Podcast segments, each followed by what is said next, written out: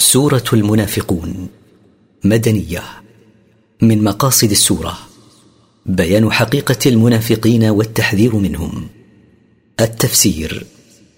إذا جاءك المنافقون قالوا نشهد إنك لرسول الله والله يعلم إنك لرسوله. والله يشهد إن المنافقين لكاذبون. إذا حضر مجلسك أيها الرسول المنافقون الذين يظهرون الإسلام ويضمرون الكفر قالوا نشهد إنك لرسول الله حقا. والله يعلم إنك لرسوله حقا. والله يشهد إن المنافقين لكاذبون فيما يدعون أنهم يشهدون من صميم قلوبهم أنك رسوله.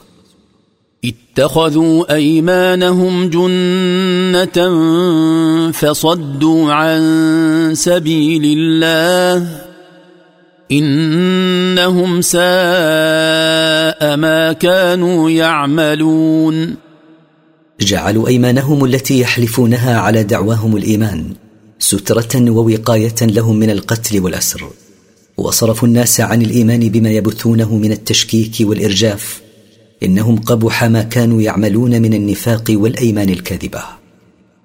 ذلك بأنهم آمنوا ثم كفروا فطبع على قلوبهم فهم لا يفقهون. ذلك بسبب أنهم آمنوا نفاقا ولم يصل الإيمان إلى قلوبهم ثم كفروا بالله سرا فختم على قلوبهم بسبب كفرهم فلا يدخلها إيمان. فهم بسبب ذلك الختم لا يفقهون ما فيه صلاحهم ورشدهم. وإذا رأيتهم تعجبك أجسامهم وإن يقولوا تسمع لقولهم كأنهم خشب مسندة يحسبون كل صيحة عليهم. هم العدو فاحذرهم. قاتلهم الله. أنا يؤفكون. وإذا رأيتهم أيها الناظر تعجبك هيئاتهم وأشكالهم لما هم فيه من النضارة والنعيم؟ وإن يتكلموا تسمع لكلامهم لما فيه من البلاغة. كأنهم في مجلسك أيها الرسول خشب مسندة لا يفهمون شيئا ولا يعونه. يظنون كل صوت يستهدفهم لما فيه من الجبن. هم العدو حقا. فاحذرهم أيها الرسول أن يفشوا لك سرا أو يكيدوا لك مكيدة. لعنهم الله.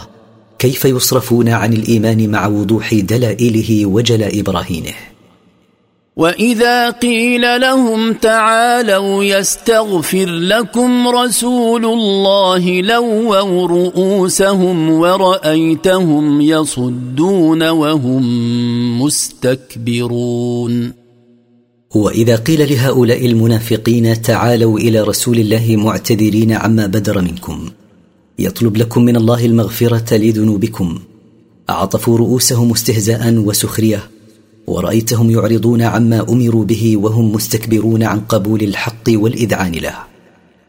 سواء عليهم أستغفرت لهم أم لم تستغفر لهم لن يغفر الله لهم. إن الله لا يهدي القوم الفاسقين. يستوي طلبك أيها الرسول المغفرة لذنوبهم وعدم طلبك المغفرة لهم. لن يغفر الله لهم ذنوبهم. إن الله لا يوفق القوم الخارجين عن طاعته المصرين على معصيته. هم الذين يقولون لا تنفقوا على من عند رسول الله حتى ينفضوا. ولله خزائن السماوات والأرض ولكن المنافقين لا يفقهون. هم الذين يقولون لا تنفقوا أموالكم على من عند رسول الله من الفقراء والأعراب حول المدينة حتى يتفرقوا عنه. ولله وحده خزائن السماوات وخزائن الأرض يرزقها من يشاء من عباده. ولكن المنافقين لا يعلمون أن خزائن الرزق بيده سبحانه.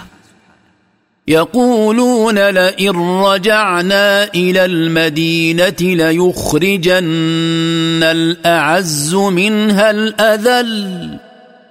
ولله العزة ولرسوله وللمؤمنين ولكن المنافقين لا يعلمون. يقول رأسهم عبد الله بن أبي لئن عدنا إلى المدينة ليخرجن الأعز وهم أنا وقومي منها الأذل وهم محمد وأصحابه ولله وحده العزة ولرسوله وللمؤمنين وليست لعبد الله بن أبي وأصحابه ولكن المنافقين لا يعلمون أن العزة لله ولرسوله وللمؤمنين.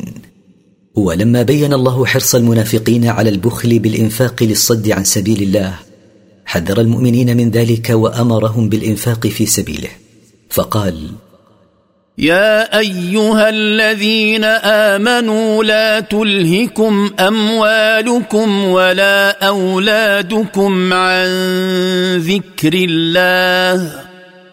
ومن يفعل ذلك فأولئك هم الخاسرون. يا أيها الذين آمنوا بالله وعملوا بما شرعه لهم.